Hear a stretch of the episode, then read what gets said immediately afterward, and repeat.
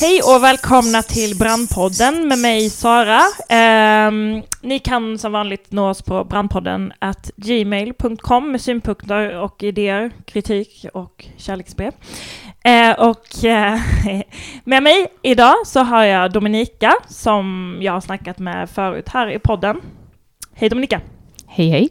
Dominika är aktiv i bostadskampen här i Stockholm och Eh, tillsammans med mig och andra och bland annat Björn som jag ska presentera snart. Hej Björn! Mm, hej! Dominika är också forskare knuten till bland annat IBF, Institutet för bostads och barnfor urbanforskning. Visst är det så? Precis, inte barn, urban. bostadsforskning, Institutet för bostadsforskning. Mm, Okej, okay. och sen har vi då kära Björn här. Mm. Mm. Trevligt. Och som också är aktiv i bostadsfrågan i Stockholm och runt om Stockholm kan man säga. Ja, jag är, håller på i ett nätverk som heter, eller en plattform som heter Ort till ort. Plattformsekonomi. Mm. Nej, jag skojar. Men ja, precis. Och eh, som jag och Dominika faktiskt också försöker vara lite aktiva i, men Björn är liksom stommen. Nej, men, men en av dem. Mm. Eh, en av två Björn som är stommen. Ja, exakt. Lilla Björn och stora Björn. Eh, och eh, ja, vi har alla kämpat mycket i, i söderort tillsammans eh, mot renovräkningar, mot gentrifiering i de områdena eh, med flera kan man ju säga och försökt koppla ihop det här med det här nätverket då som Björn nämner. Eh, koppla ihop olika kamper runt om i Stockholm. För det är ju inte bara i söderort såklart som den, eh, vi facear den här urbana fronten utan, eh, eh, och där människor trängs undan utan det är ju eh, överallt som människor trängs undan av de här nyliberala idealen. Mm. Um, och inte minst i Sundbyberg, som vi ska prata uh, mer om senare, och som Björn kommer berätta om. Vid sidan av då Hagsätra och andra platser som just nu också uh, vi kämpar med. Så vi får se hur vi kommer in på det. Men vi bestämde oss för att ses uh, idag på grund av veckan som har gått och, på grund, och, och prata lite om bostadsmarknaden generellt också. Ehm, men också tilliten kan man säga, att vi kommer komma in på. Ehm, I stort och brett. I förhållande till det här såklart. Ehm, och med veckan som gått så menar jag kanske inte bara de möten som vi har gått på, antivräkningskampanjer som varit och är, utan också London, Grenfell, Kensington. Jag var där förra veckan och det var något av det mest känsloladdade som jag har varit med om tror jag. Eh, det är en fullkomlig eh, katastrof eller snarare en nyliberal dystopi. Och det är riktigt, riktigt våldsamt att erfara och då är det bara som utomstående som det känns så. Eh, människor är fruktansvärt arga, fruktansvärt ledsna. Det är liksom sorg, ljudligt på gatorna. Folk rör sig kring den här platsen, kommer dit under dagarna. Både folk som har eh, eh, fått sina hem nedbrända, men också Eh, människor runt omkring från hela området umgås på gatorna dag ut och dag in, i alla fall då efter att jag var där, eller under tiden jag var där, de dagarna efter, kom samma dag som det hände. Um, till liksom all spontan organisering kring volontärarbete, liksom demonstrationer som plötsligt eh, hände. Um, och folk där är mycket, mycket medvetna om vad det är som har orsakat det här. Um, det var liksom speeches på speeches i varje gathörn om vad som orsakat branden. Allt ifrån regeringens åtstramningspolitik till hur media, mainstream media, uh, som folk trodde på liksom, skapat narrativ av hur, uh, av, ja, hur, hur man motiverar den här åtstramningspolitiken. Alltså varit, som många uttryckte det, liksom uh, the mouth, mouthpiece of the government. Uh, jag såg bland annat när människor försökte storma Kensington Town Hall eh, dagen efter, eller två dagar efter det hade hänt, så så är bland annat en vit hipstrig snubbe som blev uh, utdragen ur den här, uh, han hade en stor kamera med sig liksom och försökte trycka upp den i ansiktet på demonstranterna, blev utdragen och mörbultad av ett gäng, 15 stycken uh, demonstranter.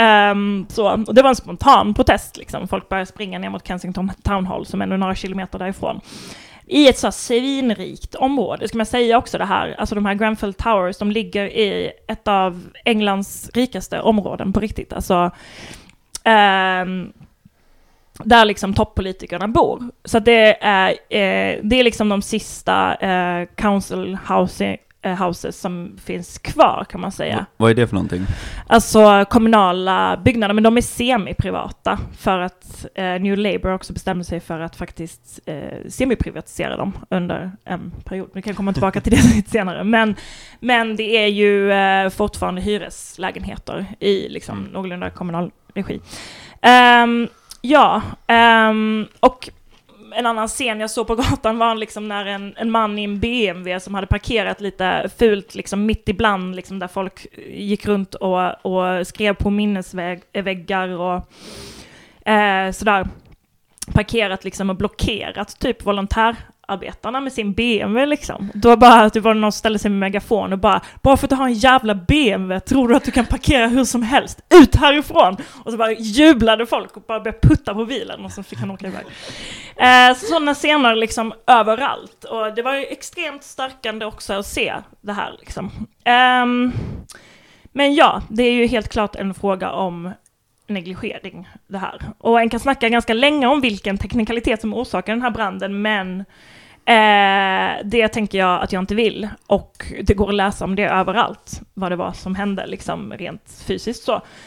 Eh, för det här var ju först och främst, då ska man säga, vilket många har sagt, absolut ingen olycka. Det här är ingen tragedi, det är ett brott. Det är corporate manslaughter, som många har påpekat. Eh, I alla möjliga känslolägen påpekade människor det där. Eh, och mon, men folk måste ju definitivt liksom ställas inför svar, eh, till svars för det här. Och dömas, liksom. Eh, och sen i långa loppet så måste det ju ändras, för ja, det finns en ganska bra lista som jag också kan publicera i samband med när jag lägger ut den här, eh, det här programmet, eh, som eh, eh listar liksom de senaste årens försök eh, att ändra på de här säkerhets, eller att få till säkerhetsregleringar och eh, ändra på de hälsos, hälsofaror eh, etc. Eh, och det är uppenbara försök. Och alla de har motarbetats av människor i maktposition. Samma människor som också äger de här fastigheterna, som äger, som är liksom landlords i London. För först och främst så är det inte första gången som det händer i London. För sju år sedan var det en ganska allvarlig brand i södra London som också liknar den här. Eh, det var absolut inte lika många människor som, eh, som eh, dog. Brandmän sa förresten till, till BBC häromdagen att eh, det ligger ungefär 100 till 200 människor inne i de här byggnaderna fortfarande. Liksom. Eh, och det är liksom, ja. Eh, den siffran har man ju inte släppt. Man släpper ju siffror pö om pö för att det inte ska bli för... En chock. Ja, exakt, för att det inte ska bli. Men, men eh, brandmän har också, eller säga, polisen har sagt att de är rädda för att det kommer bli ett tresiffrigt Uh, ja, så, så det är ju såklart att det är så. Alltså, det borde ju uh, väldigt mycket människor i den, det är inte liksom 50 personer som har gått bort. Hur som helst, um, ja, uh, branden för sju år sedan i södra London var där var många av skälen liknande. Förra året eh, så försökte Labour få igenom ett lag, en lagförändring eh, som eh, skulle tvinga hyresvärdar och fastighetsägare att göra sina hus fit for human habitations.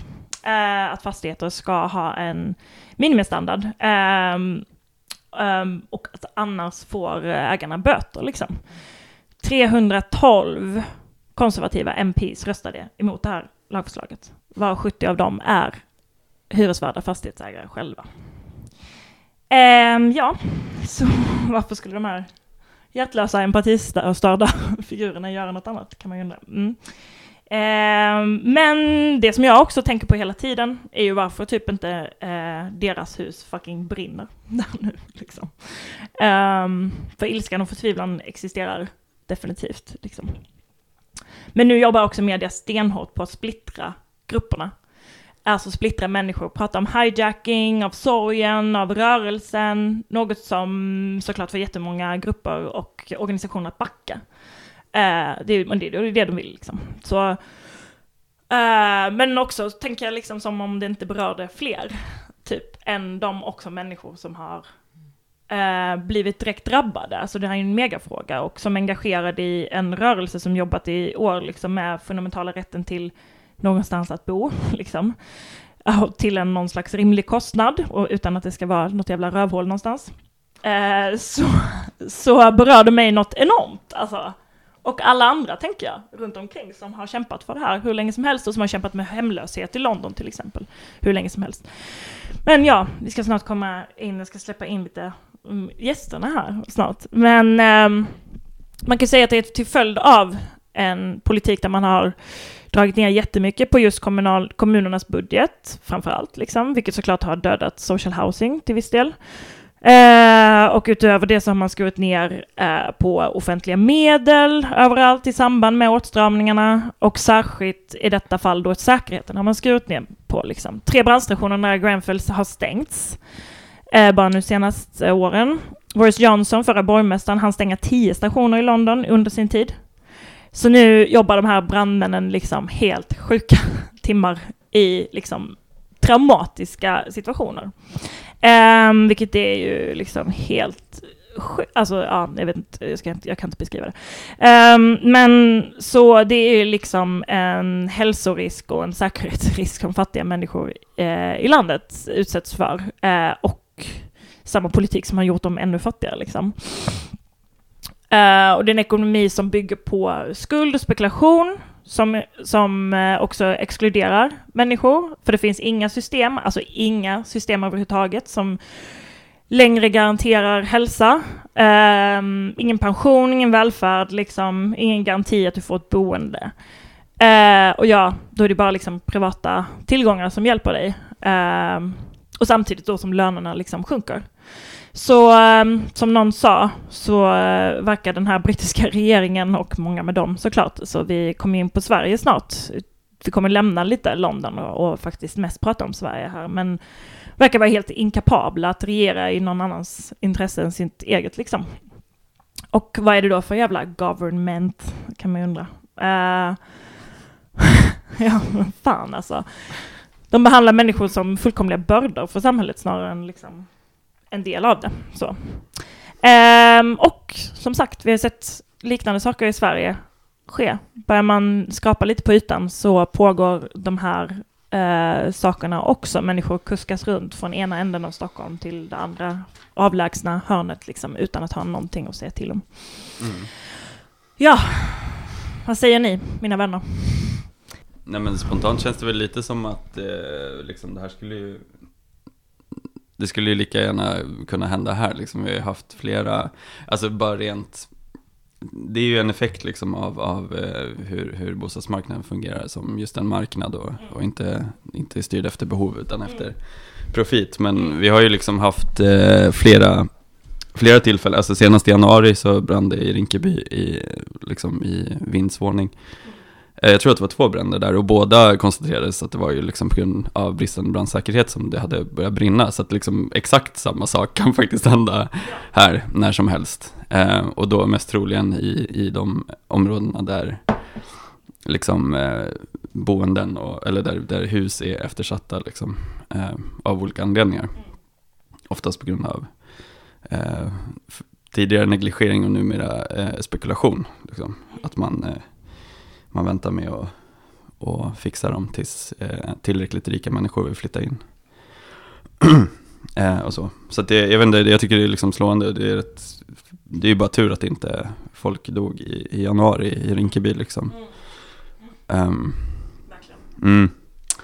Så det är ju lite, jag vet inte vad man ska säga om det är deppigt liksom. Men det, det är ju det är så det funkar. Det, den här det finns ju liksom en tendens när man pratar om bostadspolitik i allmänhet att man, eh, man vill göra det till så här abstrakta siffror och eh, liksom hur, ja, det kan ju också vara hur folk flyttar hit och dit, vilket kan vara intressant så här, men men eh, liksom, i slutändan så handlar det om liv och död liksom, för ganska många.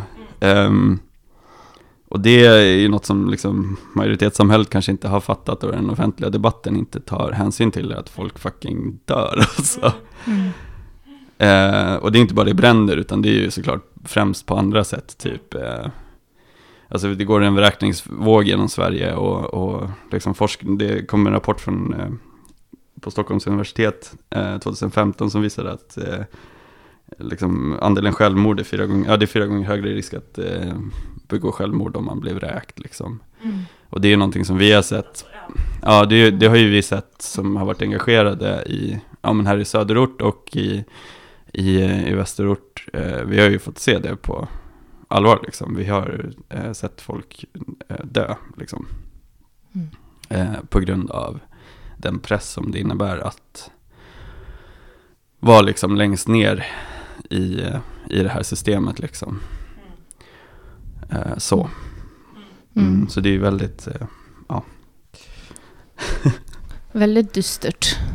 Det, Ja. det är det verkligen. Jag tänker också på den här rapporten som Rädda Barnen släppte ganska nyligen om 5000 barn som, li- eh, som lever i hemlöshet i Sverige idag. Mm. Eh, det går ju ganska kraftigt emot liksom, uppfattningen om välfärdssverige. Precis, för vad har vi för uppfattning där liksom? Jag upplevde ju London definitivt, eller så. Eh, och har man följt brittisk politik på senare tid så kan man ju också se att saker och ting kanske även för folk i andra länder ter sig väldigt mycket tydligare. Mm. Eh, om man tittar på det liksom. Mm. Eh, här är det mer inbäddat. Vad handlar det om liksom? Ja. Vad är det för, för föreställning vi har om den politik vi lever i liksom? Ja, eh, jag kan ju hänvisa till eh, en studie som jag har gjort tillsammans med Åse Ricard. Mm. Um, och eh, vi har då i den här studien, den är baserad på intervjuer med hyresrättsinnehavare. Och då väljer jag inte prata om hyresgäster, att de inte är gäster i sitt hem, utan att de faktiskt innehar eh, eh, hyresrätt. Hyresrättsinnehavare. Där hyr, de har, ja, precis. Att eh, hyresrättsinnehavarna, ehm, de som då intervjuades för den här studien, väldigt mycket är invaggade i en trygghet som kommer från ehm, ja, men den svenska välfärden att, eh, och som också väldigt mycket grundar sig i den höga tilliten. Jag vet att vi kommer att prata om tillit lite senare. Liksom där de litar på att deras situation kommer lösa sig. Eh, och när de hamnar i en situation som faktiskt, ehm, där de känner sig Uh, då i den, här, den här situationen handlar ju då om hyresrättsinnehavare som blir uh, renovräkta. Som blir alltså vräkta till följd av alldeles för höga uh, hyreshöjningar. Eh, och som På då, grund på grund av renovering, precis. Så renoveringen eh, blir så pass dyr eh, i hyreshöjning att de då eh, måste flytta därifrån. Och när de hamnar i den här situationen så eh, blir ju väldigt många, får väldigt många en tankeställare, alltså blir väldigt chockade över att eh, det saknas ett eh, system som då fångar upp dem i den här situationen, som, där de liksom blir illa behandlade och känner sig nästan lurade. Eh, att ha arbetat kanske ett helt eh, liv och eh, snart går i pension och så händer det här, liksom att de inte får bo kvar i kanske en lägenhet där de har bott i 40-50 år sedan den kanske byggdes på liksom under miljonåren då i Sverige. Eh, så det handlar väldigt mycket om att eh, att tro på att det löser sig och att Mm. välfärdsstaten fortfarande finns och eh, att medborgarna liksom, ja, precis. Att, liksom, att bostadspolitiken eh, fungerar och att det eh, liksom finns lösningar. Men i praktiken så blir det en chock då. För att de lösningarna som människor tror har funnits, som till exempel renoveringsfonderna då, som tidigare syftade till att eh, eh, täcka underhåll av byggnader, eh, men även vissa mindre renoveringar då, men främst underhåll, där alltså fastighetsägare, hyresvärdar då, um, um, eh, sparade pengar skattefritt för att kunna göra det här underhållet så att det inte skulle drabba då enskilda hyresrättsinnehavare. Eh, det har ju tagits bort på 90-talet men det är väldigt få människor som vet om det. Mm. Om att de här renoveringsfonderna har försvunnit. Och alla pengarna har förskingrats, eller hur? Ja, precis. Och Vad att... eh, där? Berätta. Ja, alltså det, jag vet inte riktigt eh, om jag vågar uttala mig i saken. Jag kan Men göra det vi, det vi vet, det vi, det vi vet är ju att de här eh, re- renoveringsfonderna eh, har varit eh, skattefria fram till 90-talet och sen så eh, ändrades skattepolitiken och de beskattades och då försvann de. Då försvann de för att 92. de hamnade i samma kategori som eh, andra typer av pengar i de här bolagen. Så att de, de var inte på olika konton längre. Och då, eh, dels så kunde de bara försvinna in i för, men sen framförallt då när man sålde en fastighet så ingick liksom de här pengarna bara som en så här del i det. Och var inte längre märkta för att gå till, eh, till renoveringar och underhåll. Just Så det. därmed försvann de liksom. Ja. Och, men grejen är ju nu också när man renoverar så är det inte så att eh, de här hyreshöjningarna är ju heller inte baserade på kostnaden för renoveringen utan Mm. de är ju baserade på den så kallade standardhöjningen som man gör, vilket är baserat på hur stort ingrepp man gör, inte hur mycket bättre lägenheten blir att bo i, utan typ hur mycket man ändrar. Mm. Och så finns det vissa liksom, eh, kriterier som man då ska liksom fylla i när man renoverar. Så till exempel ett kaklat badrum gör att det liksom kan gå upp en viss procent i hyra, eller typ en induktionshäll gör samma sak. Men det säger ingenting liksom, vad det är för kvalitet på det man har satt in till exempel. Mm. Och det här leder till att eh, liksom, hyresvärdarna, de vill, göra, de vill maximera ingreppet när de renoverar. Alltså göra så stort ingrepp som möjligt och göra det så billigt som möjligt. Så man får liksom skitkvalitet, Eh, men jättestora ingrepp som gör att folk måste flytta ifrån sina lägenheter under renoveringen. Ehm, och det i sin tur leder till att man har den här liksom cirkusen av så här korttidskontrakt och sådana där grejer som vi ska komma in på senare kanske. Men, ehm, och det möjliggör då de här eh, enorma hyreshöjningarna som kan vara upp mot liksom 100%. Eh, och i många fall så kommer man tillbaka till en lägenhet som är visserligen nytt ytskikt men det är typ sämre kvalitet än Mm. vad som var där innan. Mm. Ja. Ja. Jag måste bara tillägga Mm, att eh, alla hyresvärdar gör ju inte det. Det finns ju några få exempel. Till exempel eh, Knivsta bos- bostäder och eh, Sigtunahem som har gjort de här eh, renoveringarna på ett helt annat sätt. Där de har Mm. liksom involverat de boende. Och Mm. fått fram olika nivåer och infasning av hyra då efter renovering. Och eh, låtit de boende då bestämma vilken nivå de har råd med. Så det går att göra på Eh, Så det går att göra på ett annat sätt. Och framförallt Ja. blir det ju inte hållbart att liksom uh, um, skyffla runt folk sådär. Nej. Eh, och eh, göra på det här sättet som väldigt många andra gör då. Med att Mm. eh, Mm. köra en standardhöjning och Mm. Kan inte du säga någonting Dominika då om, om liksom bakgrunden till det här på någonstans? För att ja, alltså tittar man på London, det är en helt annan situation där, där är ju Mm. bostadsmarknaden fullkomligt avreglerad, liksom eh, mm. vilda västern liksom, med, i jämförelse. Men, men vi ser ju ändå anledningar till det här vi är inne på nu Mm. i Stockholm och Sverige också. Mm. Vad är, kan du bara kort ge oss en bakgrund kring liksom Wow. vad, vad det är som har hä- Ja. hänt liksom? Det behöver faktiskt inte vara så himla ingående, folk kan ju läsa till. Jo men precis. Nej men alltså, eh, vi börjar ju, jag ska, det blir väldigt kort då. Men alltså um, avregleringarna börjar ju på 90-talet. Och I det, Sverige. I Sverige. Mm. Och det under den borgerliga regeringen då. Eh, Men de upprätthålls, eller de tas inte tillbaka sen av Socialdemokraterna. Och eh, det är flera stycken liksom olika. Jag tänker inte att jag går in på det, Nej, nej. för det är ganska tekniskt. Men eh, det som händer är ju att ombildningar och privatisering blir möjligt liksom väldigt mycket Mm. från den tiden framåt. Och nästa en, en sån där milstolpe i bostadspolitiken blir ju allbolagen 2011. Eh, som säger då att allmännyttiga bolag får, eller ska, eh, bör, bör drivas affärsmässigt. På grund av Eh, att några fastighetsägare hade klagat. eh, Exakt. De hade gått till EU och eh, klagat på att allmännyttiga Oj. bolag eh, eh, omöjliggör eh, riktig konkurrens då. Eh, För att de inte hade samma vinstintresse då. Precis, för att de inte har samma vinstintresse. Och eh, då eh, lagstadgades det 2011 att på basis av det här eh, att eh, de skulle, eh, allmännyttiga f- eh, företag ska drivas då affärsmässigt med Ja, vinst. in De klagar drivas med vinst. Stat, staten inte har något vinstintresse och sen... Och så blir det att, precis, så det blir en, ännu en till, så alla de här ehm, reformerna som har inletts sedan 90-talet, det är ju, alla pekar ju åt ett och samma håll och det är att bostadsmarknaden ska liksom mar- marknadorienteras, den ska liksom ma- marknadanpassas. Och Mm. eh, allbolagen 2011 blir ju pricken över i för den ehm, den tar ju bort den enda liksom garanten för ett liksom schysst eh, boende i Mm. Sverige. Eh, där det här eh, för, eh, ansvaret, sociala ansvaret försvinner med vinsten som då eh, allmännyttiga bolag ska göra när de drivs. Yes. Alltså effekten är väl att allmännyttiga bolag till och med i, i många fall som i Stockholm eh, drivs, eller driver liksom gentrifieringsprocesser eller sådana här reno, renoveringskampanjer mycket, till och med hårdare än vad de privata bolagen gör. Och att de har Exakt. backning då från Mm. liksom stadens politiker.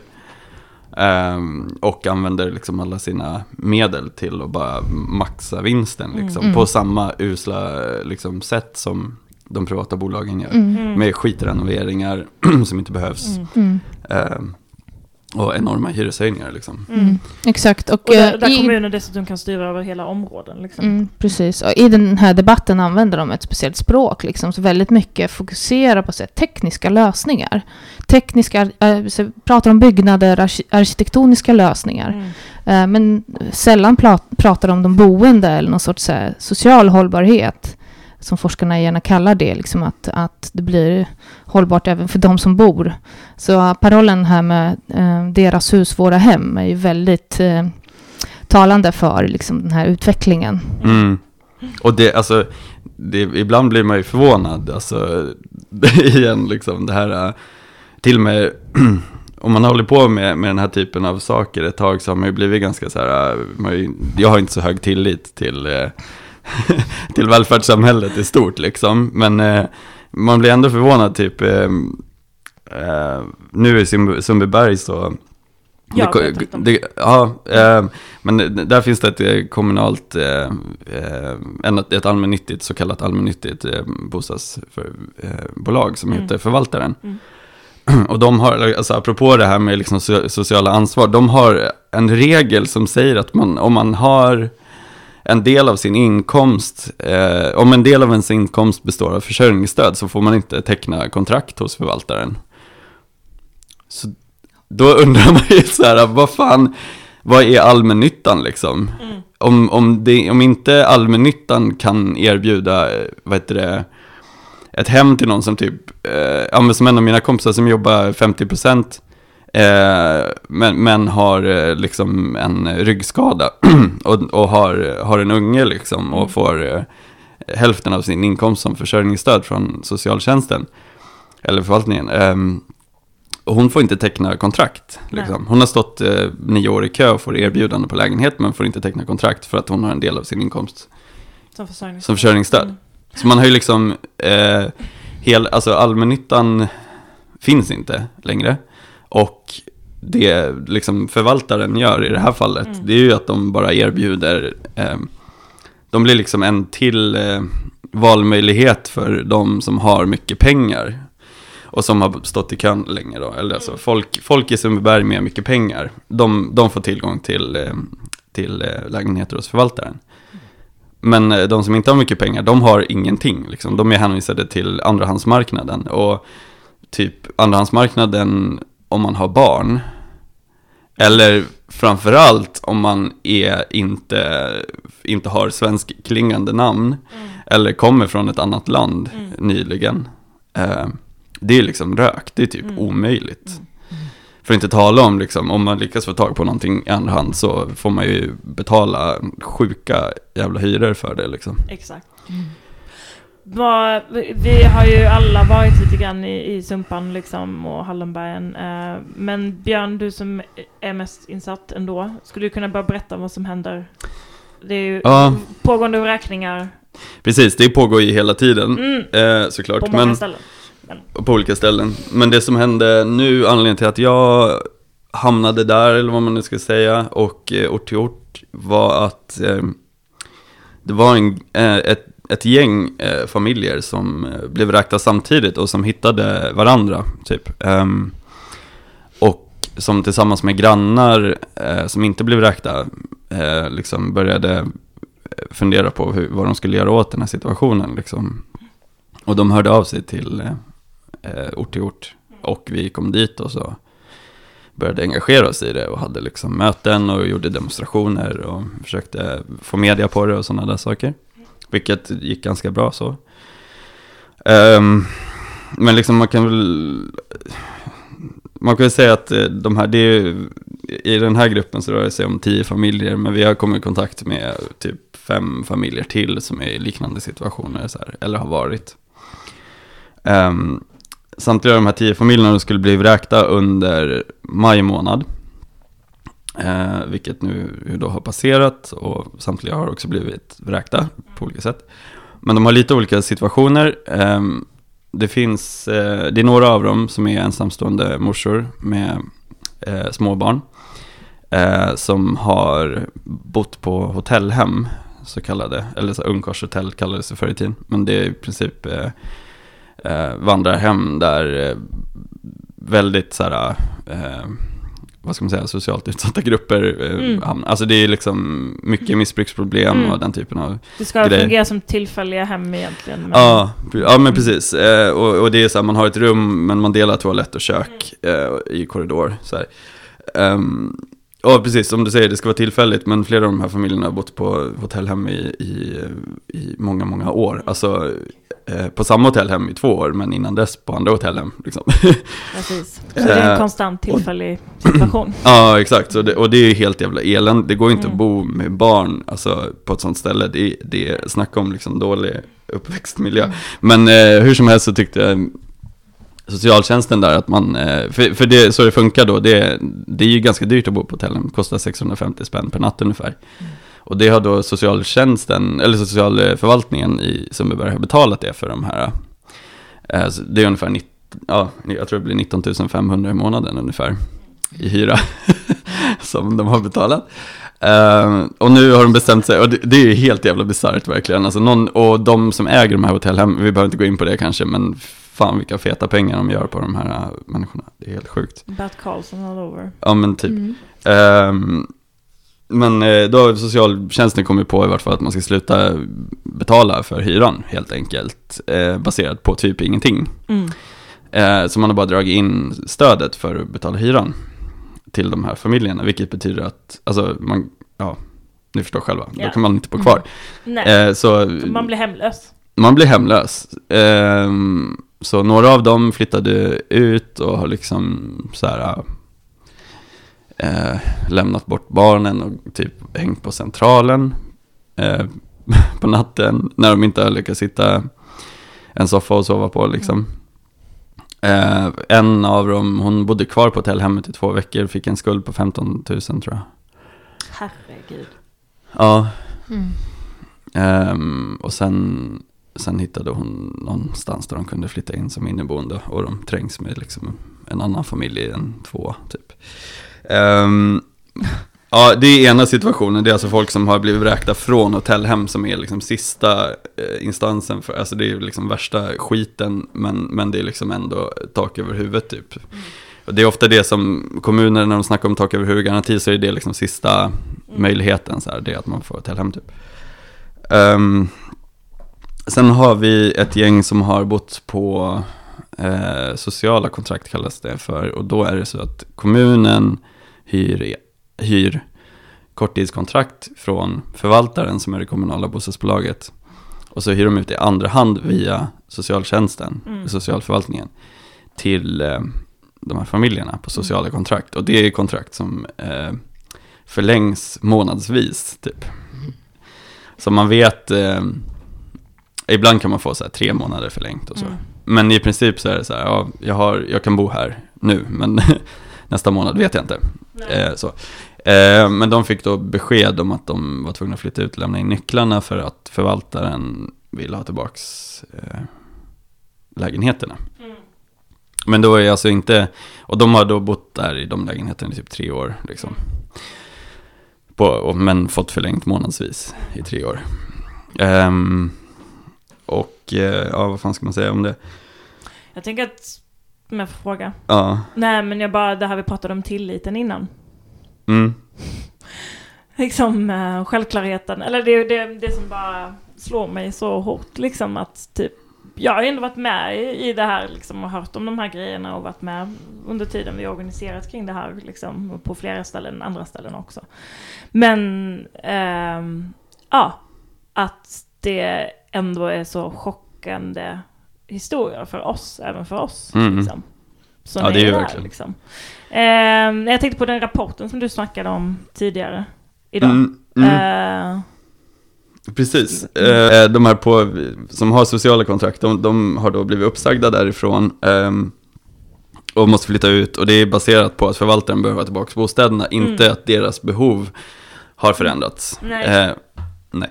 Eh, och sen så är det den sista gruppen och det är ett gäng som har bott på korttidskontrakt direkt hyrt från förvaltaren. Eh, där förvaltaren har sagt upp kontrakten liksom. Och det är någonting som så här, många kallar, säger att ja, men det här är inte en vräkning, det är bara att deras kontrakt går ut och de visste att de skrev på korttidskontrakt. Men då tänker man inte på att så här, ja, dels eh, det finns faktiskt exempel i den här gruppen av folk som har liksom protesterat när de har blivit erbjudna de här kontrakten genom sina socialhandläggare och bara nej, vi vill inte ha korttidskontrakt för att vi vet att då kommer vi stå hemlösa liksom om ett tag. Mm. Eh, Men så har de blivit tvingade till att ta dem. Av, alltså ändra direkt tvingade, alltså att deras handläggare har skrivit på kontrakten åt dem. Eller, Mm. eller indirekt tvingade för att de absolut inte har någon annanstans att ta vägen. Liksom. Så det är ju fortfarande, jag förstår inte, det finns en tendens att liksom relativisera det där och säga liksom att ja, men de ska väl vara glada att de har fått liksom bo. De men det är så här, vad fan. ändå, eller la la la. Ja, vad fan ska vi Mm. lägga nivån på här liksom? Det är så här, är det där bra välfärdssamhälle liksom? Mm. Ja, skitsamma. Um, så det är den sista gruppen. Ehm, och, eh, men gemensamt var att alla, alla blev av med sina hem under samma månad och eh, de kände varandra, många, många av dem. Liksom. Mm. Och samtliga har barn, det yngsta barnet i den här gruppen var fyra veckor när de blev vräkta, fyra veckor gammal. Mm. Och som du säger med, liksom, med det här med tilliten, att man blir förvånad, det är alltså han, eh, han då som har det här fyra veckor barnet och eh, han har också en äldre, ett äldre barn, som två år tror jag. Eh, när han, ha- det är den enda familjen som har stått på sig och stannat kvar i sin lägenhet. Han Mm. bodde på korttidskontrakt. De andra har liksom blivit skrämda till att lämna in nycklarna på olika Ja. sätt. Ehm, och, ehm, men han har stått på sig och nu liksom kommit i kontakt med Kronofogden för att eh, han överklagade till hyresnämnden, hyresnämnden fick avslag där. Eh, förvaltaren skickade vidare ärendet direkt till Kronofogden samma dag som de fick avslag från hyresnämnden. Eh, för avhysning då. Och då. Så han gick till Kronofogden, för de har kontor i, i Sundbyberg. Ehm, och bara liksom frågade hur det här skulle gå till, typ med avhysningen. hur det går till med olika, det är liksom ett gäng olika processer då, man ska bestrida liksom den typen av beslut och så. Mm. Eh, och de som jobbar på Kronofogden var så här, det här är ju inte sant. Alltså hur, hur kan de göra så här mot dig och din familj? Du har ju liksom ett barn som är, nu är det sju veckor. Mm. Eh, så här, alltså de som jobbar på Kronofogden som ha- har hand om vräkningar och avhysningar, det är liksom det de gör. De får ta emot skitmycket hot om självmord och de får höra om många som tar livet av sig. De blev förvånade över att den här familjen blev behandlade så här av kommunen och av förvaltaren. Mm. Men det är också viktigt att påpeka i det här fallet varför de alltså. fick avslag i hyresnämnden. Det är ju för att de inte har några rättigheter alls som personer som innehar eh, då korttidskontrakt. Mm. De har inte samma rättigheter som eh, hyresgäster. Så de blir inte behandlade som hyresgäster, de har inte besittningsrätt och det är väldigt, väldigt viktigt. Ja. För då har de inga rättigheter alls. Man, när man skriver på kontrakten så Ja. skriver man på Så, att man ja. inte... Det är Exakt. liksom villkoret att du frånsäger dig dina rättigheter som hyresgäst. Exakt. Och det är liksom sjuka är att en så stor del av, våran, av hyresmarknaden är, består av korttidskontrakt. Jag tänkte på det, bara en kort flika in, men just den eh, vräkningen som, eller, som pågår nu då i Hagsätra, liksom, som vi försöker mobilisera kring också, del av ort till ort och boende där eh, som av en privatvärd nu eh, ska, kommer ju redan vräkas. Liksom. Det är väldigt mycket turer som är väldigt skeva liksom, kring det här. Som till exempel att han ska splitta lägenheter så att det inte alls finns någon garanti att man kan komma tillbaka till den lägenheten där man har liksom, Mm. förstahandskontrakt. För han ska ju dela treorna och sådana saker.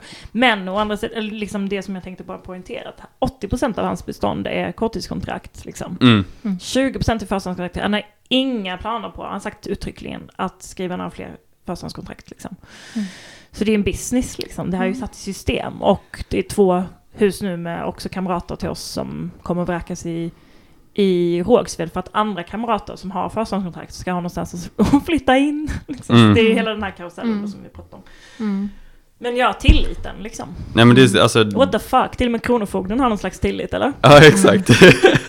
Nej men det, det är ju så jävla bisarrt liksom. Och man tror att... Ja.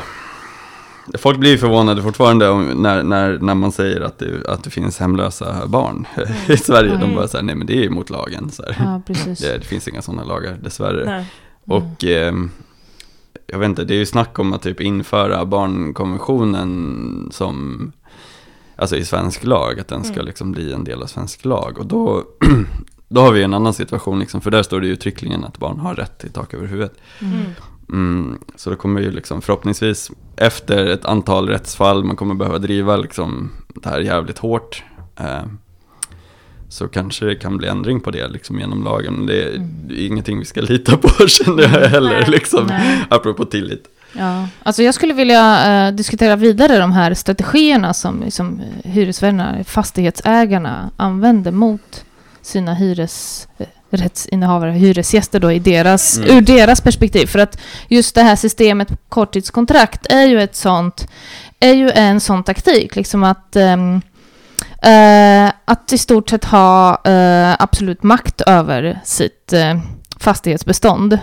Mm. Att, inte, att undvika liksom, eh, motstånd eller någon sorts mobilisering i, i bostadsområdet, det, är ju, det gör man ju lätt då genom att ge folk korttidskontrakt. För du har ju inga rättigheter som eh, boende i, med korttidskontrakt. Liksom. Mm. Men det finns ju andra sätt liksom, för de som då har eh, hyresgäster med eh, vanliga hyreskontrakt.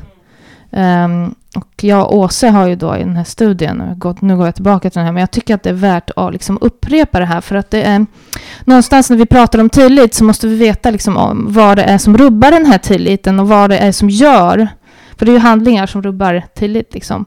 Uh, vad det är som gör uh, um, att vi kanske inte bör lita på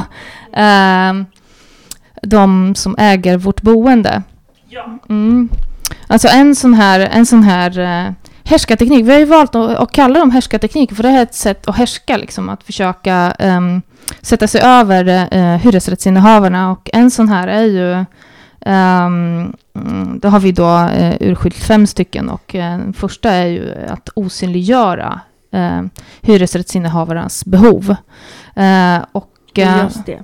Hur görs det? Alltså det kan ju göras genom att um, önskemål och behov inte tas tillvara, att inte lyssna, att inte alls överhuvudtaget inkludera hyresrättsinnehavarna i en renoveringsprocess. Ganska enkelt liksom. Och det finns ju olika sätt att göra det på. Det är ju att liksom inte lyssna, att överhuvudtaget inte ha en dialog, att ha en dialog som är lite mer eh, spel för gallerierna. Lite sådär, vi har ett möte, vi har redan bestämt. Det är ju det väldigt många hyresrättsinnehavare Monolog. vittnar om. Liksom att vi gick till ett möte, vi blev informerade om att den här standardhöjningen skulle äga rum, när den ska göras. Eller och vi fick vi ett vet, brev. Eller vi fick ett brev, alltså i Ja. bästa fall möte då. Mm. Eh, en annan sån här Vi kan ju härskarteknik. verkligen då dra till London där liksom, hur eh, negligerade de höll ju på sedan 2010, skapade de ju sin action group, Ja. Grenfell, eh, med liksom klagomål på säkerheten. Sen plötsligt kommer en fasadrenovering liksom. Fasadrenovering, så här. Mm. Som jag, man vet inte exakt varför den sattes in. Det finns, finns eh, eh, liksom saker som säger att det handlar också om Mm. någon slags e- energieffektivisering, men framförallt liksom för att huset skulle se bra ut på längre håll. Mm, Från För de rika från, grannarna. ja, exakt, från det rika området som Ja. det här ändå ligger i. Liksom. Mm. Så, det här var fläcken liksom, Mm. som Mm. sänkte deras värden. Liksom. Ja, Ja, men precis. Jag menar att ta beslut, ta beslut utan att de är förankrade och det är utifrån liksom fastighetsägarnas intressen då. Men här, I det här fallet skulle huset se bra ut. Men, ja, så ja. klär man in det i ett högt, ja, liksom brandrisk. ja precis. material. Ja.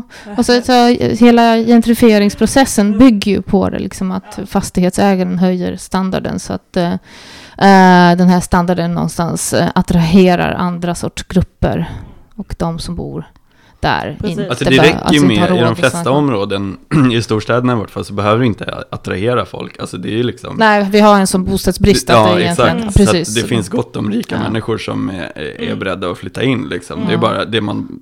Enda problemet är att få de fattiga att flytta på sig. Precis. Och det är, inte, det är inte svårt för det här Nej, området. precis. Alla lagar Nej, med sig. Exakt. Nej, Få men- de fattiga Mm. att flytta på sig och få det som är, är estetiskt och liksom Mm. inte tilltalande för sen kommer ju ändå värdet på de Mm. rika människornas byggnader, eller Mm. bostäder liksom. Ja. Som måste försvaras då till varje pris. Precis. Mm. Och där fungerar ju korttidskontrakten väldigt väl då för att eh, få människor att flytta på sig. Ja, det är ju jättepraktiskt. Precis, det fyller ju upp en buffert av liksom när lägenheterna står tomma och hyran behöver betalas. Men Mm. så fort eh, ja, hyresvärden vill få ut dem så, så åker de ut med en månads varsel. Mm.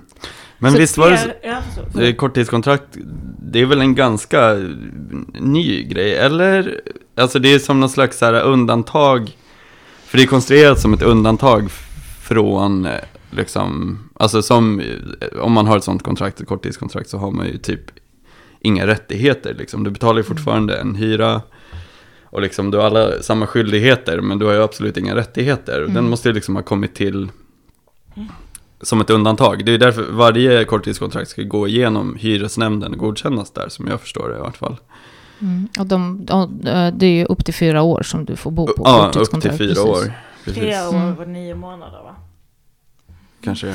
Fyra år, ja. Men, eh, och det, och det ja. ser man ju, det är ju kul i Sumpan, alltså, alltså, som en, av en tillfällighet så är det ju så att alla som blev räknade från korttidskontrakten, de har ju bott där i, i eh, tre, snart fyra år. Mm. Mm. Så det var ju liksom det där, Mm. Och, de har varit goda hyresgäster, de har liksom tagit hand om eh, lägenheterna, målat om, tapetserat Mm. eh, och så vidare. Mm. Men eh, ja, Ja, nu är det liksom slut på det undantaget. Men det är så sjukt liksom att det, det är ett undantag som har blivit regel, mer eller mindre, i många Precis. områden. Att det är liksom majoritet i korttidskontrakt. Och det börjar ganska långt inför en renovering då liksom Ja. folk får korttidskontrakt flera, flera år innan. Ja, så fort Mm. någon flyttar ut som har haft första hands så Mm. gör man om det till lägenheten till korttidskontrakt Mm. till nästa hyresgäst. Precis. Ja. Mer eh, härskarteknik. Ja men precis, Ja. jag fortsätter med härskarteknikerna. Alltså en, en annan sån här härskarteknik, eh, det är ju att ge ut bristande information, vi har kallat det bristande information. Det kan ju vara att eh, formulera sig i de här informationsbreven på ett sätt som, ja, som inte till fullo ger en bild av vad som kommer ske, när det kommer ske, vad hyreshöjningen blir och så vidare och så vidare. Liksom. Mm. Eh, och som får hyresrättsinnehavarna ehm, eh, misstänksamma men eh, också känna sig lurade, att de liksom inte kan, eh, alltså att de inte vet, desinformerade, liksom, att de inte vet vad det är som händer, när det händer, hur länge de behöver bo eh, i evakueringslägenhet, var det kommer eh, ske och så vidare och så vidare. Och nu kom ju faktiskt nyligen en eh, i slutet av april så presenterades det en sån här statlig eh, eh utredning som blev beställd 2015 tror jag av eh, Mehmet Kaplan. Eh, och som skulle, en del av den här utredningen skulle just eh, beröra eh, hyresgästernas stärk, stärkta ställning vid ombyggnation. Uh, och den kommer faktiskt fram till, en av punkterna den framför är ju att den här informationen måste bli bättre. Just på grund av då att väldigt många hyresrättsinnehavarna känt sig eh, desinformerade, att de inte till fullo förstår. Det är också väldigt många eh, fastighetsägare som inte praktiserar att informera sina hyresrättsinnehavare om, eh, på andra språk än svenska, som har en svensk policy. Mm. Eh, och det utesluter ju ganska stora delar av liksom, eh, de som bor kanske i de här husen. Mm. Att de inte riktigt eh, till fullo förstår vad det är som väntar. Nej, precis. Så det är ju, det är ju sådana här knep. Men det finns massa exempel på Ja. det. Men jag tänker att jag går inte alldeles för mycket i detalj. Utan snarare liksom nej. håller mig på den här nivån. precis, men det kan ju vara jättebra att veta, speciellt om man står inför en sån här eh, omfattande ombyggnation, renovering eller om man har korttidskontrakt helt enkelt. Mm. Eh, olika knep. Vi kommer också försöka knåpa ihop eh, lite olika listor över vad man kan tänka på och kolla efter. Mm. Mm. Och ni har ju redan eh, när vi pratade om ehm, eh, Grenfell så eh, nämndes det den här skrämseltaktiken Mm. som, som hyresvärdar använder. Och det, den är ju också väldigt eh, tydlig här i, i, i Sverige då att Alltså hyresvärdarna hotar muntligt, eller ibland har jag hört talas om fall där det har varit mer eller mindre uttalat skriftligt. Mm. Eh, de hotar med sanktioner, folk får betala ganska saftiga räkningar vid avfly- alltså utflyttning Mm. när de inte har valt att samarbeta eller skriva under det här godkännande brevet som kommer när renoveringen planeras. Mm. Då behöver ju eh, hyresrättsinnehavare då skriva på ett godkännande brev. Skriv aldrig på. Precis. Precis. Eh, och eh, då, då följer ju en sån här våg av olika sanktioner och hot liksom, Ja. och straff, straff mm, mot de som faktiskt motsätter sig den. Och sen så finns det en annan sån här härskarteknik, det är ju att göra sig otillgänglig. Att liksom eh, hänvisa till någon annan eller faktiskt inte svara. På eh. Nej men alltså hyresvärdarna eh, gör Ja. sig otillgängliga på det här sättet att de kanske har ett kontor men det är aldrig någon där, det är inte bemannat. Ja. De svarar inte i telefon, de, hä- de hänvisar till andra och sådär. Eh, Så det är en annan härskarteknik som eh, vi bör eh, eh, ha i beaktande och kanske eh, minnas när vi ehm, upplever renovering eller eh, ehm, mobiliserar eh, mot renovering eller ja, renovräkning. Eh, och en sån här femte härskarteknik är ju så här, härska genom att söndra. Till exempel eh, att hålla småskaliga möten. Mm. Alltså försöka hålla så småskaligt som möjligt för att det inte ska bildas motstånd. Att göra som till exempel där i Hagsätra, att eh, renoveringarna eh, em, i området eh, på olika etapper. Mm. Eh, så att man påbörjar renoveringar i ett hus eller kanske i en trapp. Eh, och inte gör det samtidigt i hela området för det skulle kunna innebära en rejäl mobilisering mot den här Mm. renoveringen. Mm. Eh, en annan är ju att ge ut den här eh, information, ge ut ehm, eh, felaktig information eller ryktesspridning i områden. Mm. Eh, har jag hört ett, en hel del olika Alltså exempel som en på. del av det här... äh, Alltså härska genom att söndra, liksom, att försöka liksom, ja, men miss, alltså, ge ut felaktig information. Mm. Alltså sprida rik- rykten om kanske jättehöga här- eh, hyreshöjningar som i sig eh, kanske inte behöver vara eh, för att man inte känner till den nivån där hyran kommer ligga. Men det är ju så pass avskräckande att folk väljer att flytta i förväg. Alltså forskare brukar Just prata om någonting som heter displacement pressure. Alltså att displacement, alltså själva bortträngning eller undanträngning av människor inte enbart sker vid renovering utan att det startar väldigt, väldigt långt innan, innan den fysiska renoveringen äger rum. Utan att det genom att informera att det snart kommer äga rum och kanske sprida ett sånt här rykte om att det ska innebära att hyran höjs med 70 procent Mm. så bildas den här pressen på boende och gör att de faktiskt flyttar. Uh, ja, Det här är ju ingen, alltså så här, man bara pratar om det liksom lite höjer blicken och tänker på liksom den politiska nivån. Alltså det är ju ingen passiv politik det här, någonstans. Det här är ju superaktivt liksom. Alltså man, det är ju ändå val de gör, att inte lyssna på hyresgästerna, att inte höra oron, till exempel i Grenfell. Eh, den här typen av, alltså trakasserier, det är liksom inte en, typ så här. man ska ha det med sig tänker jag. Att det är liksom inte bara marknadens, eh, eh, liksom osynliga Det är ju en industri, det är ju som Ja. eh, typ hur, hur en gruva fungerar. Liksom att Mm. man så här... eh, Först kanske man spränger och sen så går, man in och typ så här smular sönder för att få fram eh, malmen på något sätt. Jag vet inte hur en gruva funkar. Men det här är ju samma sak liksom. Det som finns här, det är inte människor, det är peng, potentiella pengar. Mm. Liksom, du har ett område Visst. Där du kan göra skitmycket mer vinst och det, då har du ett antal liksom steg för att komma dit. Så här. Mm, och i stort så kan man se det som att det är en renoveringsprocess, men det är så mycket som sker innan, som sker under för att det ska liksom gå att driva igenom. Och det mesta riktat, det är ju direkt riktat mot de som bor där liksom med de här typen av ja, härskartekniker och liksom utpressning av olika slag. Och, och, liksom, och det råder ju ingen tvekan om att de här äh, hyres, eh, hyresvärdarna eller fastighetsägarna har, eh, de har ju stenkoll på vad som funkar liksom. Och de delar ju, delar ju tekniker med varandra så här, för, i och med att vi, vi ser hur, hur liksom ganska avancerade saker återkommer på olika ställen med helt olika företag. Um, och det är så här skitvidriga, det är ju som typ, det kommer fram, hem en stor snubbe till, till din lägenhet och bara tränger sig in och, med ett papper och säger att du ska skriva under. Mm. Och att alla andra redan har gjort det, att du är den Mm. enda som sitter i vägen och att du kommer hamna i, i, i rätten om du Mm. inte gör det liksom. Mm. Ehm, Enskilda möten, ber om enskilda möten med sina hyresgäster. ja, eller bara, eller bara hota med hyresnämnden eh, där eh, fastighetsägarna vinner liksom, i 99 fall av liksom 100. ja. Ja, den här stora snubben med basebollträet, han har, han har liksom hela, han har ju rätten liksom på sin sida och hyres, eh, hyresrättsinnehavaren har inte ett jävla skit att komma med liksom. Eh, hans baseballträ är ju inte alltid liksom ett baseballträ, men det är ju i, i förlängningen så är det ju snuten och deras batonger och tårgas. För det är eh, liksom, lagen står inte på, på hyresgästernas sida, den står på hyresvärdarna och de kan göra vad fan de vill. Liksom. Mm. Och om man inte lyder så är det ju till slut eh, våld. Visst, absolut. Då är, det, då är det snuten som kommer och släpar ut dig från en lägenhet. Eh, det är betalningsanmärkningar hos Kronofogden. Som ju i det här sjuka jävla systemet är typ det värsta som kan hända en människa. Eh, för att då kan man inte ta lån, typ. Exakt. Då hamnar man i Alltså- den här jävla icke, Ja, liksom, det, ja, det, Ja. precis.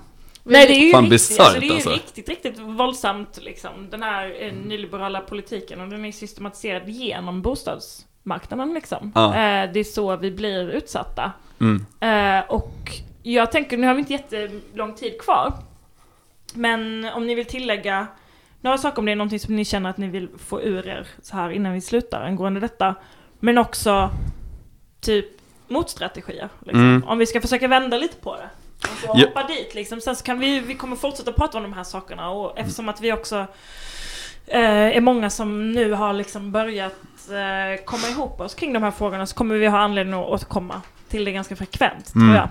I den här podden också. Ja. Mm. Men jag, alltså, vi var inne på det här med tillit eh, Mm. flera gånger tidigare. Det, det är, jag gillar liksom tanken på, dels tanken på de här processerna som en industriell, liksom, alltså ett sätt att bara så här, krama ur stålar ur, ur, ur folk liksom, och ur, eh, ur områden. Mm. Men apropå det så släpptes det en rapport från Nordiska ministerrådet häromdagen. Mm. Jag hörde det här på radion och jag bara Mm. så här, jag satte liksom allt i halsen. Kudden tror jag, för jag låg i sängen, satte kudden i halsen. Ehm, jo, men de släppte en rapport som heter, ja, en fantastisk ti- titel, Tillit, det nordiska guldet, heter det. Ehm, som i princip eh, återigen konstaterar någonting som vi har vetat ganska länge, att liksom, den så kallade sociala tilliten är väldigt hög i de nordiska länderna. Det betyder att man tror på, man har en tillit till systemet och till varandra typ. Och det här, eh, här liksom... Till välfärden och till pensionen och allt det här. Ja, Mm. Och då var det en, en Dagfinn Höjbråten som är, är generalsekreterare för Nordiska Mm. eh, rådet. Som, som uttalade sig här i radion och sa att det här, det här är liksom, den här tilliten är en guldgruva. Mm. Sa han. Och, och, och han återkom till det, liksom. det här var ett två minuters klipp eh, och han säger det två gånger tror jag. Liksom. Eh, och man så här, jag slår sig direkt och säger guldgruva för vem? Jo, Mm. det är ganska uppenbart Mm. liksom, att det är, det är för, för staten och Mm. Kapitalet. Exakt. Eh, men, Jättebra om folk litar på dig.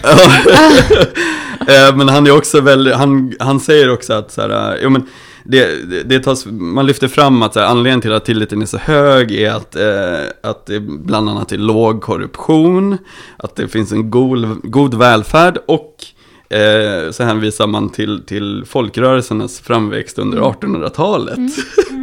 och jag tänker så här att samtliga de här faktorerna är ju på sin höjd så här historiska eh, abstrakta prylar. Liksom. Mm. Ja. Då- Det här är ju inte baserat på verkligheten. Nej. Välfärdsstaten finns för vissa liksom. Mm. Majoritetssamhälle, och det är väl det som är grejen då, att den här tilliten är stor hos eh, den stora medelklass vi har Mm. i Sverige och i Norge. Men de som inte får vara med där, eh, vilket är alla som liksom har, riskerar att bli av med jobbet, liksom, Ja. typ. Pensionärer pensionärer. Ja, som inte längre är ja, ja men exakt. Mm. För dem så existerar inte välfärdsstaten. Det här som vi har pratat om idag med bostadssituationen liksom, situationen är ju ganska tydligt eh, exempel på det. Liksom ett grundläggande behov som inte, eh, som man, ja, Som inte gäller en Som stor del av nej. befolkningen. Mm. Ehm, Och och, sen det här med att det är låg korruption, det är också så här, ja det är en låg upplevd korruption eventuellt. Mm. Men det finns rapporter efter rapport som säger att liksom, eh, Sverige faktiskt är ett ganska korrupt land. Det är bara att Mm. det fungerar inte. Det är inte vad heter det, maffia som går omkring och lägger hästhuvuden i folks sängar typ. Eller hur korruption funkar i andra länder, så här, eh, mycket liksom, eh, politiker med jättemycket knark eh, på sitt skrivbord. Utan det är typ så här, eh, alla känner alla, sossemaffian, så här, eh, folk som var engagerade i SSU i sin ungdom så här, på 50, 60, 70-talet som nu sitter på alla möjliga maktpositioner i samhället men som fortfarande är så här, polare. Mm. Och de maktpositionerna är både inom det offentliga och det privata vilket betyder att de skriver kontrakt åt varandra, de ger varandra schyssta deals, typ Eh, Högdalen kan vi ju referera till, Mm. där, det var, där det ockuperades en, en skola för två år sedan. Eh, och det var ju för att där hade staden sålt det här skitstora, liksom, eh, fantastiska byggnaden, enorm, alltså 9000 kvadratmeter stora byggnaden, plus ett enormt område runt omkring till ett företag som heter Veidekke. Som av en händelse då eh, eh, har liksom marknadschefer och så här, folk som, alltså högt upp i, i ledningen som är eh, polare med, med de som, som eh, sålde. Och Och det- gifta med Hyresgästföreningens eh, vice ordförande. Ja, precis. Sängkamrater. Vi kan ju namedroppa lite också. Ska vi, vi kan lägga in adresserna kanske Ja, till de här personerna i, på hemsidan. Nej men eh, alltså Annika Billström då som är eh, högsta hönset eh, på tjänstemannasidan. Ja, Vice. Vice i, i Stockholm. ehm, på i Hyresgästföreningen. Hon är gift med eh, Lennart Weiss, kommersiell direktör på Veidekke. Vår, en av våra största bovar. Ja, en av våra, och som är en gammal, det här är ju roligt, han är en gammal så kallad vänstersosse. Fjärde Ehm, bov. Ja, som, va? Nej, hon bara nämnde att han var fjärde på dödslistan. Nej. Det var inte... Fjär- Fjärde största byggbolag. ja. Vad sa du, fjärde största byggbolaget? Ja, i Sverige. Veidekke. Det är ett enormt eh, byggbolag som är, är norskt. Typ. Mm. Ehm, och som eh, bedriver eh, liksom korståg, nu behöver vi inte snöa in på det här för mycket, men de, de har ett uttalat eh, mål att eh, liksom tillintetgöra hyresrätten som upplåtelseform i Sverige för att de vill införa den norska modellen, Mm. som de kallar det, och den modellen bygger på att alla har bostadsrätter. Mm. Och det går jävligt bra för dem också kan vi säga. Men hur ska jättebra. vi vända det här mot en, till en motstrategi då? Ja, hur fan hamnar vi här? Synliggöra makten. Ja, precis. Jo, korruptionen. Det var ju Ja. korruptionen. Korruptionen är överallt. Alla är, alltså det är ett fett jävla korrupt land det här. Problemet är att folk inte vill se det. Ja. Och Ja. att det är, det är en snällare typ av korruption på så sätt att folk bara är polare och typ så här. Mm. För det man gjorde med det här Veidekke-grejen i Högdalen, det var ju att man, man eh, gjorde ingen offentlig upphandling. Man bara sålde till första bästa, så att, vilket var deras polare då. Eh, och de gör miljarder på den eh, tomten, typ. Ja. det är så här, Mm. det är så korruptionen funkar. Och folkrörelsernas framväxt på 1800-talet, jag vet inte liksom. Ja. Det, den, att ha det som, som grund för, för att man litar på. Men det kanske i och för sig säger Men- någonting liksom att. ja, men tillit byggs ju upp liksom historiskt och det är ju, det är ju väldigt viktigt liksom för hur det civila samhället, liksom hur de här folkrörelserna har växt fram, hur de har växt fram i Sverige är väldigt exceptionellt nära staten. Mm. Eh, och när vi nu pratar om tillit och att det finns olika sorters tillit, men alltså tilliten till staten är ju exceptionellt hög i Sverige. Mm. Eh, och i de nordiska länderna överhuvudtaget, liksom, eh, i, internationellt sett. Mm. Eh, och hur det liksom påverkar såna här, i sådana här konkreta situationer. Mm. Ehm, ja. Men, det, men då, alltså det, folkrörelsens framväxt på 1800-talet, kan man tänka sig att liksom, de eh, blev så starka och stora på grund av att det fanns en eh, bristande, för att de var tvungna att fixa sina egna grejer helt enkelt, att man var tvungen att starta kooperativ som, som byggde egna bostäder, som eh, gjorde, gjorde egna skolor, ABF liksom, Mm. alltså ja. ehm, Folkbildning, bostäder, väl, välfärd. Liksom, Välfärd. Och Att- välstånd. Ja, och Ja. Det, så det byggdes ju ur något slags, eh, liksom att det inte Behov. fanns. Mm. Ja, Eh, och, och nu börjar vi liksom komma till en punkt där det här verkligen, för Kanske många, inse det. Att behovet finns. behovet finns fan. eh, och eh, staten kommer inte liksom eh, göra någonting för att fylla det behovet. Nej. Så är det liksom. Och det, Tilliten måste riktas till den organiseringen som inte har något som helst med dem att göra. mm, Mm. eller Ja. snarare liksom den, det första För du, vi pratade lite här före, så snackade du om att liksom brist på tillit Mm. är en, alltid en drivande kraft i Ja, sociala... misstro, liksom, misstro är ju till och med. en drivande kraft. Att, ja, brist på tillit eller misstro. Och hur Och bekräftar man Om vi liksom du tänker historiskt vilka sociala förändringar ehm, eh, ja, men, som har drivit fram liksom, historien, det, det är ju tack vare sociala rörelser och som då ofta bygger på någon sorts protest mot någonting eller en ska- misstro eller en Men okej, men om vi tittar så här svart på vitt så det ser ju ut som att vi, vi är framme vid en, en tid där det här egentligen borde vara solklart för oss att inte lita på liksom. Eh, London är ju mycket tydligare, definitivt. Men vi kan ju ändå dra stora paralleller och som sagt är det inte som att eh, det är så himla långt ifrån. Har vi någon koll eller kontroll över vad våra hyresvärdar gör med våra bostäder? Eh, vad som kommer hända med våra hyror inom det närmsta året liksom. Alltså nu i Hagsätra, de varslades om den här hyreshöjningen och utflyttningen två månader innan de skulle göra det. Liksom. det är inte, jag kallar inte det för någon slags kontroll över sin situation. Överhuvudtaget. Liksom. Misstron borde vara här. Mm. Så mitt tips är väl typ så här, analysera din situation. Står du inför någonting sånt här? Analysera det liksom. Sätt in din ideologisk Ja, Ram, och skrik liksom. typ. Ja, och, och organisera dig, prata med dina grannar, forska på Mm. Det här företaget. Mm. Eh, titta vad folk har gjort innan. Och ett rent konkret sätt att skrika på just nu, som jag Mm. vill tipsa om, det är ju att eh, den här eh, utredningen, Stärkt ställning för hyresgäster, är just Mm. nu på remiss. Mm. Fram till, jag minns inte när, i september. Så det här är också ett sätt att försöka påverka ehm, genom att eh, skriva ett remissvar på den. Mm. Mm. Vi bara, mm. Mm. Ja, en viss skeptis, skepsis, men för de som har... Oj, vad kofot! Ja, precis.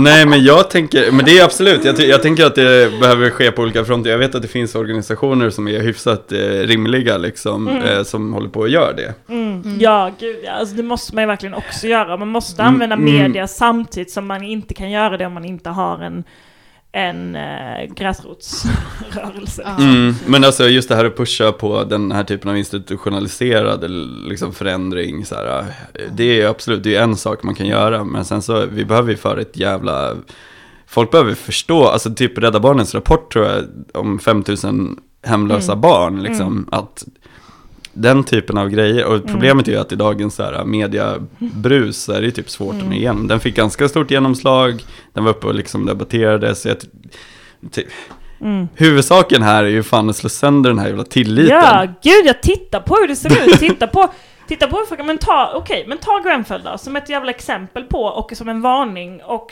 titta på hur osäkrade våra hus är, Mm. eller våra områden är, Mm. liksom. Och vems fucking fel det är, liksom.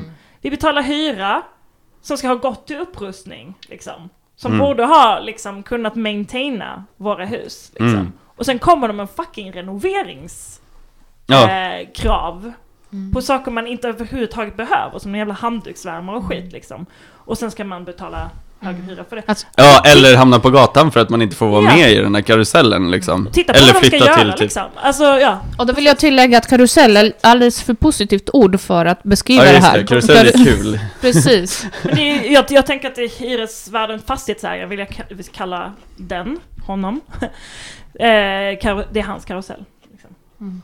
Gruva kanske då, eller vänta. Ja, men guldgruva, det är ju Guldgruvan. Snygg metafor för... Usch, ja visst. Men okej, men ja. Uh, några, några slut... Några, några avslutningsord då? Vad ska vi göra? Vad, vad, är- vad är liksom nästa steg här nu? 88 fortsätter. Bostadsvrålet. Bostadsvrålet är ett forum som man absolut kan använda sig av. Det kan man lätt googla fram Mm. vad det är för någonting. Men det är liksom ett par konferensdagar kan man säga, eller Mm. mötesdagar. Mm. För eh, utomparlamentarisk bostadsorganisering. Nej, Ja, typ. Mm. Kan kalla det för. Bostadsaktivism. Eh, och ja, ort till ort får man gärna gå in och stödja och, och liksom... Mm.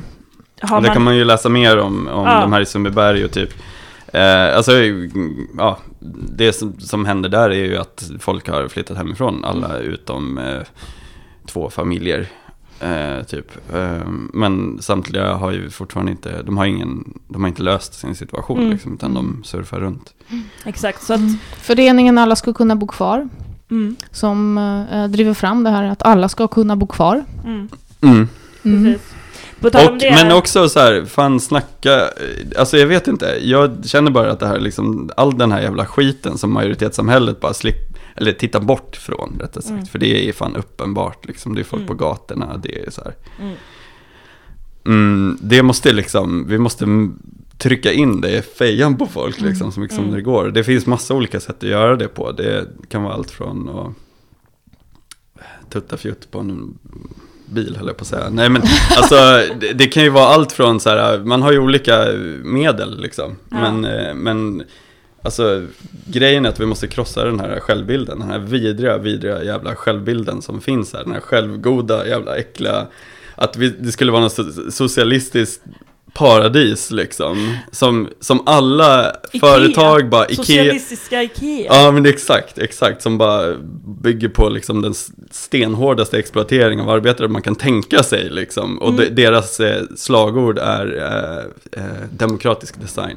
Alltså, eh, och de har liksom eh, tagit svenska flaggans färger. Eh, förut var de ju eh, danska flaggans färger. Just de det, som fortfarande Ikano har. Ja, precis. Mm. Deras bostadsbolag. Ja. Eh, nej men alltså fan, slå, vi, vi måste slå sönder den här skiten, för ur det så kommer ju, alltså får vi till misstron, får Mm. den, tillräckligt utbredd, då kan vi börja bygga liksom. Men Mm. eh, fram tills dess så har vi, vi har ju inget stöd. Det är så här, eh, när man slåss i Sumpan, så här, de flesta skiter fullständigt i det, för de Mm. bara säger men vadå, i Sverige går saker och ting rätt till, de här, det är deras så- eget fel. Och så är det fan mig inte. Det är därför jag också tänker att 88 är så ett jävla viktigt ehm, nätverk. För att vi måste koppla ihop det som händer, inte bara i Stockholm, utan runt om i hela Sverige för att vi måste bli en bredare rörelse, tror jag också. Mm. Mm. Eh, jag tror verkligen bostadspolitiken, bostadskampen, alltså det har jag varit övertygad om i flera år, är en essentiell del av klasskampen nu. Mm. Liksom. Och Mm. det är där det visar sig så jävla hårt Mm. vilket skiktat samhälle vi lever i. Mm. Mm. Eh, så please, liksom joina det här, alltså tror jag. Eh, och eh, om, om det är så att du sitter i en bostadskamp eh, liksom, så att byta erfarenheter kring det är superviktigt också, tror jag. Rätt, Mm. Och stöd. Handboken Rätt att bo kvar. Ja, Rättattbokvar.se. Det är också ett bra tips. Det är ett bra Mm. tips, den, kan, den finns där på pdf gratis att Mm. ladda ner. Så, Ort ja. Ort jo- jobbar ju också just nu med en handbok för eh, Mm. folk med korttidskontrakt som står inför vräkning. Så, Mm. Som i princip kommer att berätta vad som händer de olika Mm. skeendena, alltså hela vägen till Kronofogden och avhysning eventuellt då, liksom, om man väljer att stanna kvar. Och hur man gör det, vilka, Mm. sak, vilka hot man kommer mötas av, så, här, så att Ja, man och är... argument, man kan... Ja, och hur man kan driva av- olika typer av rättsprocesser, hur man Precis. kan eh, fördröja det. För det är ungefär det det handlar om. Som det är idag så är det ju, Mm. dessvärre, det är ju väldigt sällan man får rätt liksom. Utan Mm. det, det handlar om att fördröja det tills man har Processen. hittat ett, ett annat. Så ett ledord eller några ledord kan vara skriv inte på. Skriv aldrig på någonting Nej. som, som eh, någon skickar någonsin. Nej exakt, gör inte det. Eh, utan det, du, har all rätt, med- du har all rätt att vänta och så länge du förlänger processen desto större chans har du i alla fall att hitta en lösning på det Alltså, hela. liksom. om du, precis. Om du är i en sån situation nu så skulle jag rekommendera att höra av dig till, till ort till ort. Vi kan hänvisa till en bra jurist som kan liksom kolla på. Mm. För det, det är inte säkert att bara för att man går till en jurist så är det inte säkert att, att man får rätt. Eh, det finns mycket keffa jurister där ute. Alltså, som bara så här, nej men eh, du måste ju fylla, alltså du vet. Mm. Det, och sen finns det de som är bra som säger, ja men du så här kan du göra. Så kommer du få den här effekten liksom, snarare än att du måste följa deras direktiv för de har lagen på sin sida. Mm. Eh, Rätt. s- ja, Det är ett jättebra tips faktiskt. Mm. Eh, det finns ju resurser inom det här nätverket också. ja. Sen om man vill eh, kolla vidare och läsa vidare om vad som händer i London generellt på den här fronten liksom, så skulle jag rekommendera Radical Housing Network. Tycker Mm. jag lägger ut mycket bra grejer Ja. eh, på. De har en Facebook-sida som man kan gå in och gilla. Och det skrivs ju såklart jättemycket om Grenfell. De försöker ju ehm, organisera olika stöd, liksom, kampanjer och eh, sätta press på ehm, lokala government, alltså kommunen och så vidare i eh, London. Men ja, Vi, alltså bara en kort, jag vet inte om vi ska ha det som avslutande, men en kort anekdot från gårdagen i, i Sundbyberg. ja. Vi, Vi tar den och så, har du något mer du vill säga? Nej. Eh, Dominika säger hej då, men... eh, men ja, en, ja, jättegärna berätta om det. Ja, vi, vi hade demonstration utanför Stadshuset, det har vi haft eh, nästan varje vecka sedan, de här, Mm. eh, sen i början på maj. Bara för att visa att liksom, situationen inte har förändrats. Eh, men vi stod där utanför med, med banderoller och med flygblad. Ehm, och, och så kommer eh, Mikael T. Eriksson som är kommunstyrelsens ordförande, det vill säga det högsta politiska hönset i Sundbyberg, eh, moderat kommer ut och ska gå på lunch. Eh, så han går ut genom eh, entrén där. Och lite sent, men då så, så uppmärksammar en av oss, alltså oss alla på att det var han som gick förbi. Varpå vi började skrika eh, skäms och så här skam efter det. Skäms Mikael T. Eriksson. Um, och han liksom eh, ja, sänker ner huvudet och bara fortsätter gå därifrån. Men sen så lite senare så packar vi ihop eh, våra prylar och, och ska, ska lämna det här stället. Så möter vi honom eh, igen. När vi precis kliver ur en hiss och han ska in i hissen med sina kompisar där. Uh, varpå jag typ så här, uh, känner du någon, Micke, känner du någon som, uh, som bor på gatan eller som har, har varit hemlös? Känner du någon som någonsin har blivit vräkt? Micke. och han säger bara, jag har inte tid med det här. Så går han in i hissen och så säger jag så här, jag tycker du ska skämmas, Micke. Varpå eh, liksom alla de här andra som, ja men hela resten av vårt gäng börjar skrika igen så här, skäms! så att det är liksom, då står han där i hissen och väntar på att dörrarna ska stängas med sina, sitt sällskap och bara skäms som en jävla hund så här. Eh, och ja, och jag tänker parallellt till Grenfell, det, det var ju liknande situation där som vi kanske kan lägga som en lite, ett outro. När Theresa May var och hälsade på, jag tycker vi lyssnar på det. ja, och skulle snacka med, Ja. med de drabbade i Grenfell. Vi säger hej då så får ni höra det som ett outro. Mm. Okej, Hej då. tack så jättemycket för att ni kom. Ja, Tack. Tack, tack. Hej. Skäms mycket.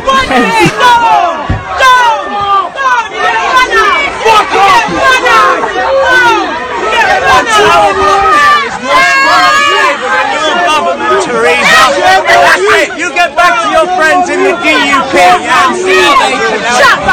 You are useless.